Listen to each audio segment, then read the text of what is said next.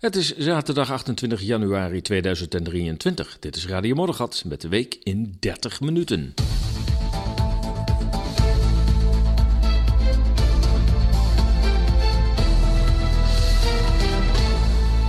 Met in deze uitzending geknoei met medische toelatingseisen Amerikaanse piloten, voltooid leven op maat tot opgedrongen euthanasie.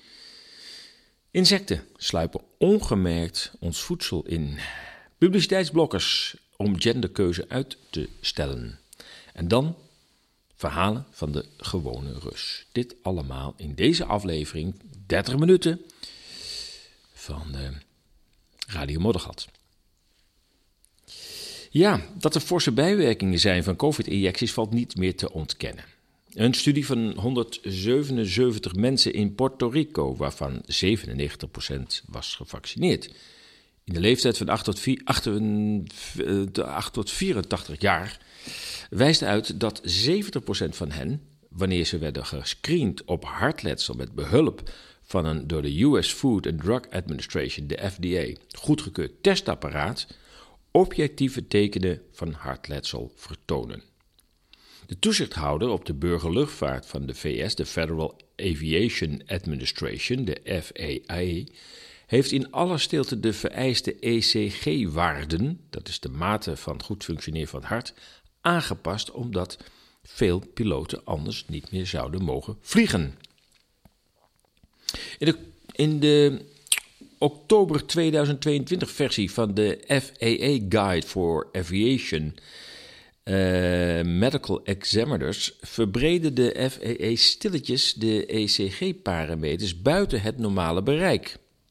En ze verbreden het bereik niet een klein beetje, ze verbreden het met veel. En dit gebeurde na de uitrol van het COVID-vaccin. Dat schrijft Steve Kirsch, de doorgaans goed geïnformeerde vaccin-expert, in een recent artikel. Ik citeer. Nadat het vaccin was uitgerold, verbreden de FAA in het geheim het ECG-parameterbereik voor piloten, zodat ze niet aan de grond zouden worden gezet. Het lijkt erop dat de uh, fax, de COVID-fax, minstens 50 miljoen Amerikanen hartschade heeft bezorgd, stelt Kirsch. Verder zegt hij: Veel mensen zullen erg overstuur zijn als ze zich realiseren dat het vaccin dat ze namen om hun kans op overlijden aan COVID te verminderen, feitelijk omgekeerd werkte. Waardoor ze juist meer kans lopen COVID te krijgen maar ook om te worden opgenomen in het ziekenhuis of zelfs te sterven aan COVID. Hartschade is een van de meest voorkomende bijwerkingen van de vaccins. Het hele artikel vind je op de website van esas.nl. Voltooid leven. Voltooid leven leidt tot opgedrongen euthanasie. Geleidelijk sluipt naast de angsten voor klimaat, virussen en de Russen nog een angst in de samenleving: de ouderen. Jongeren wordt al jaren wijsgemaakt dat hun ouders en opa's en oma's uit hun portemonnee eten. Dat zij geen betaalbare woning kunnen krijgen omdat hun oudjes het vertikken om de woning waarin ze zoveel herinneringen hebben willen behouden. De angst krijgt inmiddels een wettelijke basis. Een wet die spreekt van een voltooid leven. Een bedenksel van D66. De gedachte lijkt oprecht. Help mensen die het leven niet meer zien zitten, zonder dat ze gezondheidsklachten daarvoor uh, als reden hebben, om begeleid te sterven. Zo'n wet kan in een maatschappelijk klimaat waarin ouderen vol meetellen en gerespecteerd worden om hun decennia lange bijdrage aan de samenleving, een eerzame plek krijgen in de zorg voor en om ouderen. Echter, in het huidige klimaat pakt het anders uit. De overheidsbegrotingen staan onder historische druk. Miljarden verslindende COVID-maatregelen, de veldtocht tegen Rusland, de honderden miljarden voor het klimaat zijn niet meer op te brengen. De samenleving gaat daarmee onconventionele uitwegen zoeken. Hoe kan de bevolkingsgroei binnen de perken worden gehouden en de kosten in de hand?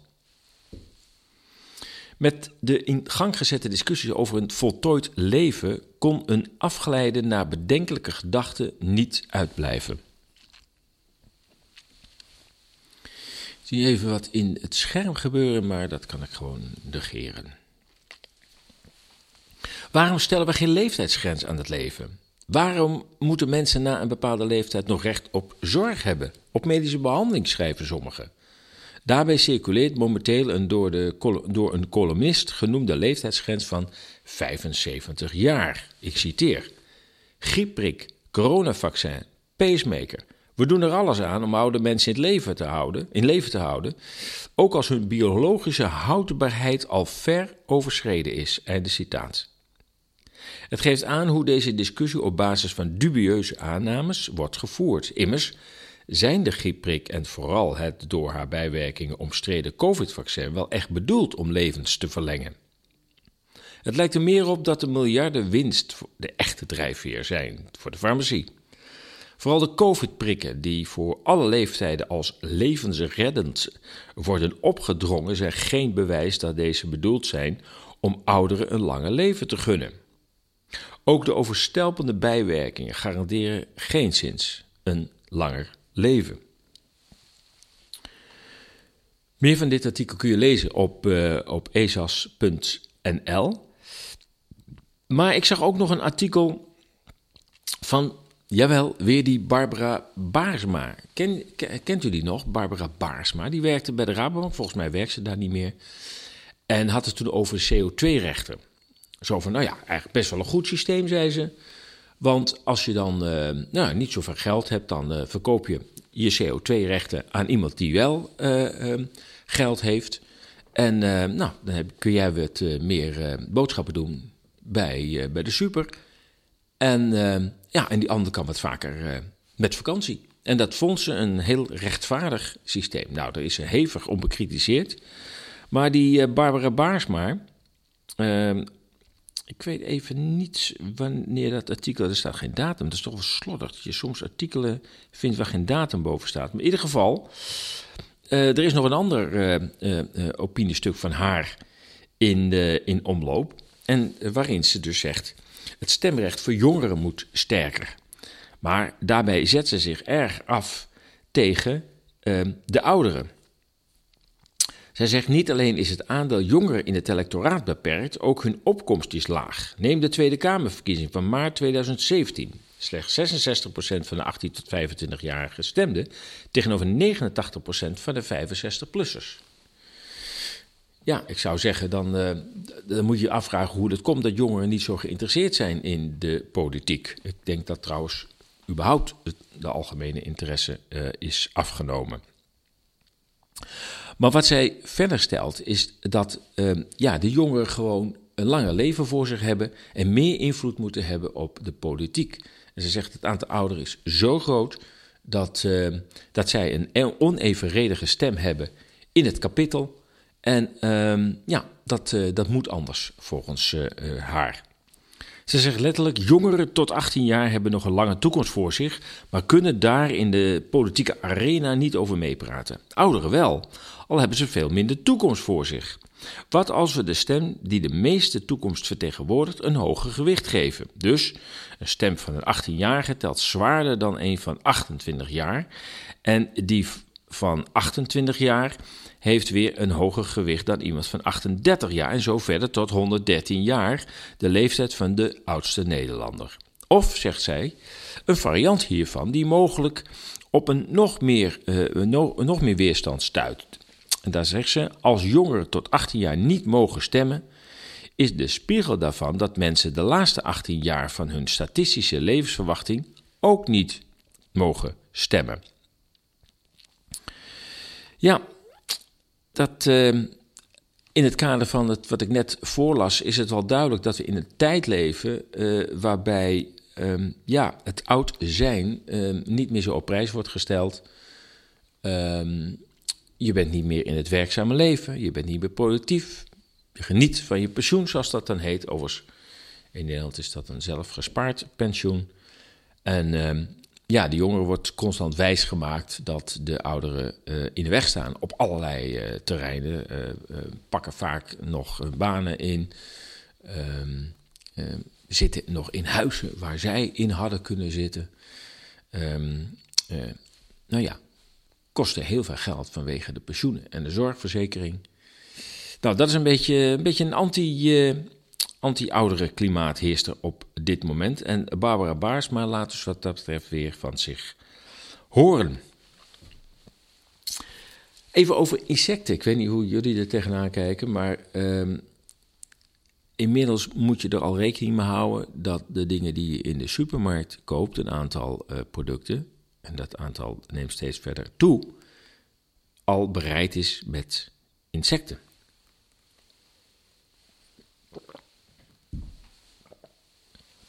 Zo, ik moest even mijn thee opdrinken, jongens. Ja, de EU staat in toenemende mate het gebruik van insecten in voedsel toe. En daarbij mogen ze in talrijke alledaagse voedingsmiddelen onzichtbaar worden verwerkt. Denk erbij onder meer aan brood, soepen, snacks, pasta's, pindakaas, chocoladeproducten en veel, veel, veel andere producten. Doch los van de vraag of deze vorm van voeding als smakelijk wordt gezien, is er nog de nodige discussie over de gezondheidsaspecten van deze in ons voedsel verwerkte insecten. Inmiddels krijgen steeds meer bedrijven toestemming om insecten in het voedsel te verwerken. Ik citeer. Ontwikkeling van nieuwe eiwitbronnen is noodzakelijk om te voldoen aan de toenemende vraag van de groeiende wereldbevolking. De traditionele vleesproductie legt een grote claim op ruimte en natuurlijke hulpbronnen. Alternatieve, duurzame eiwitbronnen, zoals insecten, kunnen bijdragen aan een oplossing. Dat zegt de Wageningen Universiteit, die allerlei mogelijkheden onderzoekt van insecten in levensmiddelen en diervoeding.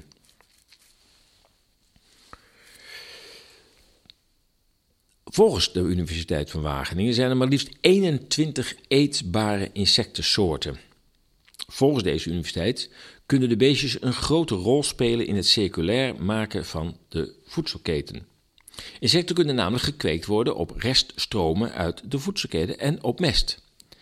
Deze ooit als landbouwuniversiteit bekendstaand opleidingsinstituut is nu dus ten prooi gevallen aan de kapitalistische sprinkhanen die via een gekaapt kabinet de Unie heeft gekoppeld aan de mondiale food hub van het World Economic Forum. Een soort hoofdkantoor voor het doorzetten van die eiwittransitie, zoals dat dan heet. Uh, eiwittransitie klinkt mooi, maar het gaat dus altijd over insecten dan.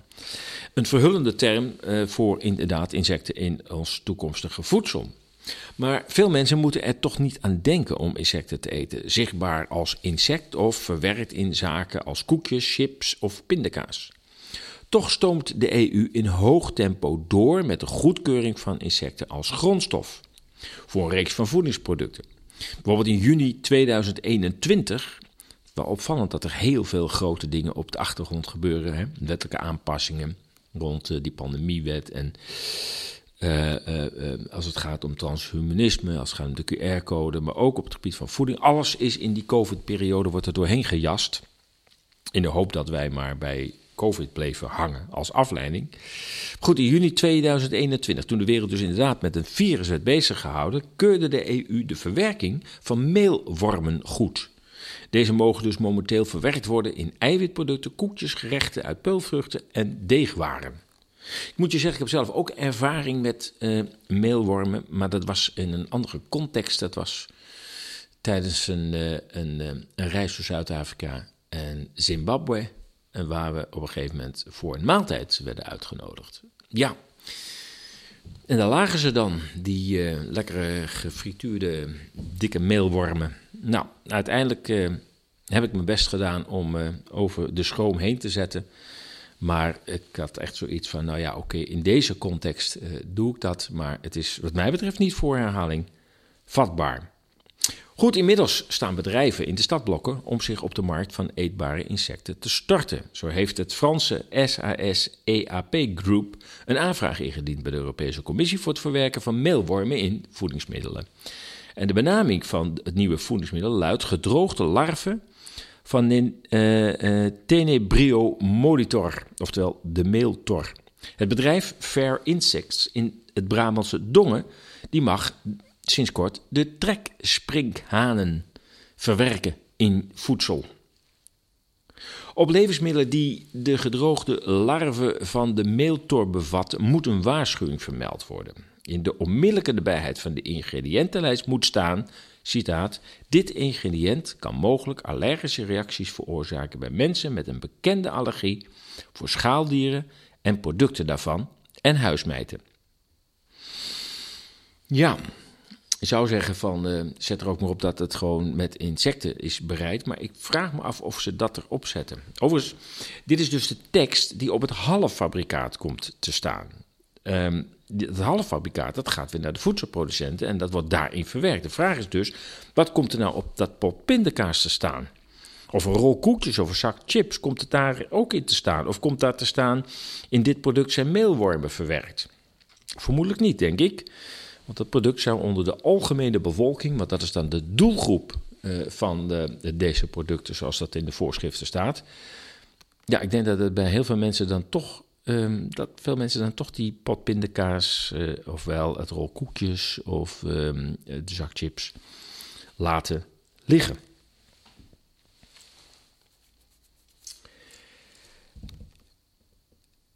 Het is, ehm, zoals je bij andere media natuurlijk ook merkt, alternatieve media, die worden niet gesubsidieerd door de overheid, krijgen ook geen reclameinkomsten en zijn dus erg afhankelijk eh, van uw steun, van de steun van de luisteraar. In dit geval als het gaat om Radio Moddergat, dan wel de lezer als het gaat om esas.nl. Dus daarom zou ik graag nog eens de, het lidmaatschap van esas.nl onder de aandacht brengen. Er zijn uh, twee basislidmaatschappen. Dat is één voor een jaar en één voor een half jaar. En dan heb je uh, toegang tot alle artikelen. En dat zijn, dat zijn ook vaak de uitgebreide artikelen die alleen voor leden zijn gereserveerd. Mocht je zeggen, nou ja, ik wil eerst wel eens even kijken of dat het allemaal wel waard is, dan is er ook een soort instap lidmaatschap van 5 euro voor één maand. En dan kun je de hele website kun je eens even rustig doornemen en zeggen, nou, het is me toch de moeite waard. Ik neem nu een abonnement van een half jaar of misschien wel een jaar. Nou, je kunt gewoon naar de website gaan en meteen op de voorpagina, op de homepage, staat meteen links lid worden. En uh, ja, dan kun je keuze maken uit deze drie vormen van lidmaatschap. Eentje voor een jaar van 40 euro per jaar, eentje van een half jaar voor 25 euro en eentje van een maand voor 5 euro. Blijf ESAS steunen. Het is hard nodig dat het andere geluid gehoord blijft worden. Want voorlopig zie ik de mainstream media, als ik dan bijvoorbeeld weer kijk hoe over Oekraïne wordt uh, geschreven, denk ik, nou voorlopig hebben we nog geen, ja, wat zou ik zeggen, objectieve media. Ja, puberteitsblokkers. Ze bestaan. En die puberteitsblokkers die, uh, zijn bedoeld, dat zijn medicamenten om de genderkeuze uit te stellen. Dus kinderen langer de kans geven om een dergelijke keus te maken. Jawel, want er wordt natuurlijk al over gesproken, al op vrij jonge leeftijd, op scholen. Je vraagt als ouder meestal niet om dat dat besproken wordt. Je dacht misschien dat uh, de slag bij Nieuwpoort uh, zou worden onderwezen of waar... Of computerles of iets dergelijks, of Nederlandse taal of Duits of Engels of Frans. Maar nee, ook dat hele genderverhaal uh, in het kader van de hele woke-cultuur wordt zeer nadrukkelijk bij heel jonge kinderen al onder de aandacht gebracht. Het is echt de tijd waarin jonge kinderen op basisschool dus worden verleid om te kiezen welk gender ze willen zijn. Met andere woorden, je denkt dat je een jongetje bent, maar misschien ben je wel een meisje. Of wil je een meisje zijn? Gewoon een jongetje of meisje zijn is dus geen vanzelfsprekendheid meer. Klaarblijkelijk, volgens de nieuwe opvattingen. Om de periode waarin kinderen hierover mogen nadenken te verlengen, wordt de ontwikkeling naar puberteit met medicatie afgeremd. Naast het idee dat we het geslacht bij geboorte niet meer als gegeven accepteren, worden kinderen mentaal in de war gebracht en hun gezondheid door medicatie onherstelbaar beschadigd. In deze tijd is blijkbaar gender, eh, geslacht, een keuze. De tijd dat kinderen gewoon leren rekenen en, en, en, en waar hoofdsteden in Europa liggen, worden ze nu geconfronteerd met drag queens en genderverwarring, klimaatalarmisme en culturele schuldgevoelens. Het is al langer gaande. Het gezin als hoeksteen van de samenleving staat onder druk. Een vader en een moeder als ouders was al langer niet meer de standaard. Hè. We realiseren goed dat in vrijwel alle uh, middelgrote grote steden 50% van de bevolking alleenstaand uh, is en niet meer gehuwd is. Dat is ook niet zo gek dat uiteindelijk um, de autochtone bevolking aan het afnemen is. In tegenstelling tot de niet-autochtone bevolking. Ja, twee vaders of twee moeders, dat, uh, dat kon ook al. En met de discussie over gender wordt nu ook het geslacht zelf als keuze voorgesteld. Dr. John Money, de, een seksuoloog en psycholoog uit Nieuw-Zeeland, die aan het Johns Hopkins Institute werkte, dat is overigens het instituut dat nu leidend is in de COVID-pandemie, wordt beschouwd als de eerste die de termen genderidentiteit en genderrol gebruikte. En de interne ervaring van seksualiteit, zoals hij dat noemt, en de sociale verwachtingen van mannelijk en vrouwelijk gedrag beschrijft. Deze concepten zijn prominent aanwezig in het transactivisme van vandaag en worden gebruikt om claims van genderfluiditeit, vloeibaarheid, dus niet meer polair man, vrouw, maar er zit kan een hele vloeiende lijn in, om die te ondersteunen.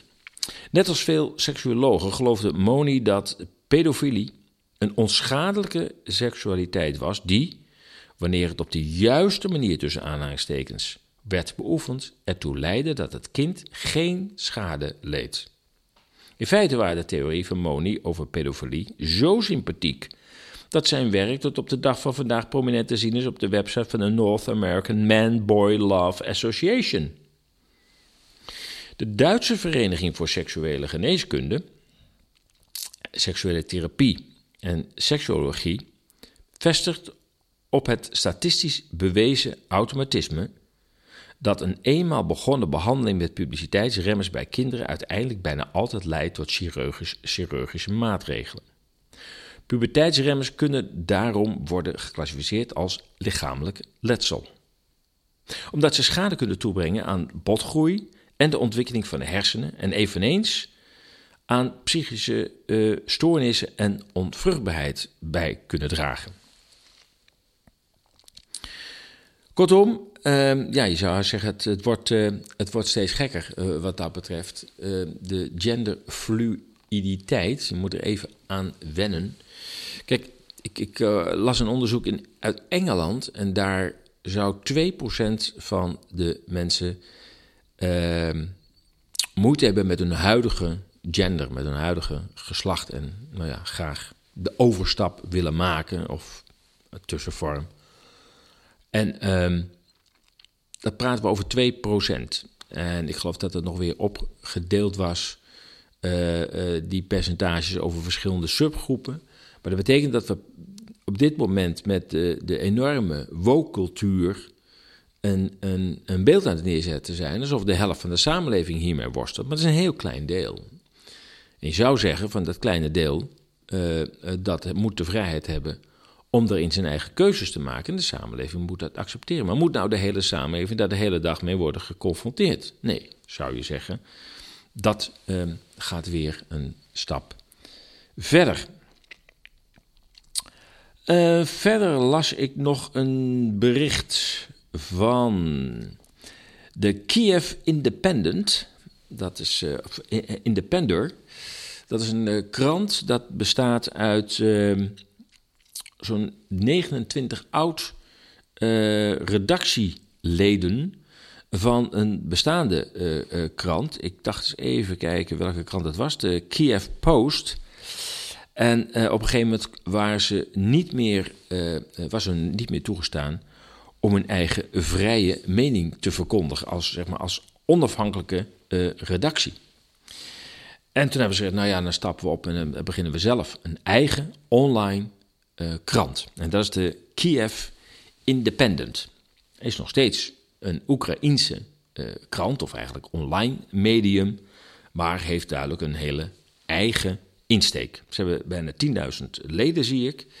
En zij uh, hebben een opmerkelijk uh, artikel, en het geeft wel een beetje hun onafhankelijke positie aan over de situatie in Oekraïne. De militaire situatie, de oorlog tussen Rusland en de NAVO over de ruggen van Oekraïne. Ik denk dat je het zo moet noemen. Hè? Geen oorlog van Oekraïne tegen Rusland, maar vooral van de NAVO tegen Rusland over de ruggen van de, de Oekraïners. En ehm, ze komen met een, ehm, met een opvallend artikel, dat halen ze dan weer uit de Duitse Der Spiegel. Ehm, dat ze zeggen ja, dat in een geheime uh, meeting, uiteindelijk is die dan blijkt toch niet zo geheim gebleven. Afgelopen weekend, uh, geheime meeting van de Bondsdag, de Duitse Bondsdag, is aangegeven dat um, men zich grote zorgen maakt over um, de kracht van het Oekraïnse leger, omdat er nu momenteel meer dan duizend, three-digit numbers of soldiers wordt hier gezegd, meer dan duizend soldaten, Oekraïnse soldaten, uh, sterven op het slagveld. En dat, dat bevestigt ook wel weer uh, dat wat uh, bijvoorbeeld Scott Ritter zegt, een Amerikaanse oud-marinier en ook wapeninspecteur, die online nogal erg actief is met presentaties over de situatie in Oekraïne. En die zegt ook, ja, het is een soort 10 tegen 1 um, situatie, dat voor elke Rus die sterft er 10 Oekraïense soldaten sterven. Het is echt dus verschrikkelijk. En je snapt ook niet dat ook dan onze premier maar blijft oproepen voor meer wapens. Want hij zegt er is geen alternatief dan Rusland te overwinnen. Het is een ongelofelijke waanzin om dat soort dingen te willen. En uh, ja, we worden door dit soort types uh, worden gewoon de oorlog ingesleurd. En het erg is nog dat uh, ja, Oekraïne daar het slachtoffer wordt. Want dat land wordt letterlijk gesloopt, het volk wordt het land uitgejaagd. Hun, hun omgeving, hun huizen worden vernield, omdat wij dan zogenaamd de Russen willen verslaan. Nou, dat is al een paar keer eerder gebeurd. Napoleon heeft het al geprobeerd, overigens was nooit Napoleon alleen. Het was eigenlijk een heel Europees leger, inclusief Nederlanders. Hitler heeft de poging ondernomen met, uh, hoorde ik laatst, met 3 miljoen soldaten. Het is onvoorstelbaar hoe je dat op de been kunt brengen. Uh, en duizenden tanks. En nog hebben ze het verloren van de Russen. En dan hoor je Rutte praten en dan denk je, ach, ach, ach, man. Jij schijnt geschiedenis gestudeerd te hebben, maar waar is die kennis van jou gebleven? Een laatste item in uh, deze uitzending van Radio Moddergat is verhalen van gewone Russen. Want wat weten we nu eigenlijk van Rusland? Als we de media uh, uh, lezen, eigenlijk bitter weinig. Berichten komen niet verder dan het Rusland van Poetin, alsof er verder niemand woont. Alsof ook de Russische president niet met veel krachten rekening moet houden. Maar kennen we de Rus in de straat eigenlijk wel? Wat denkt hij of zij?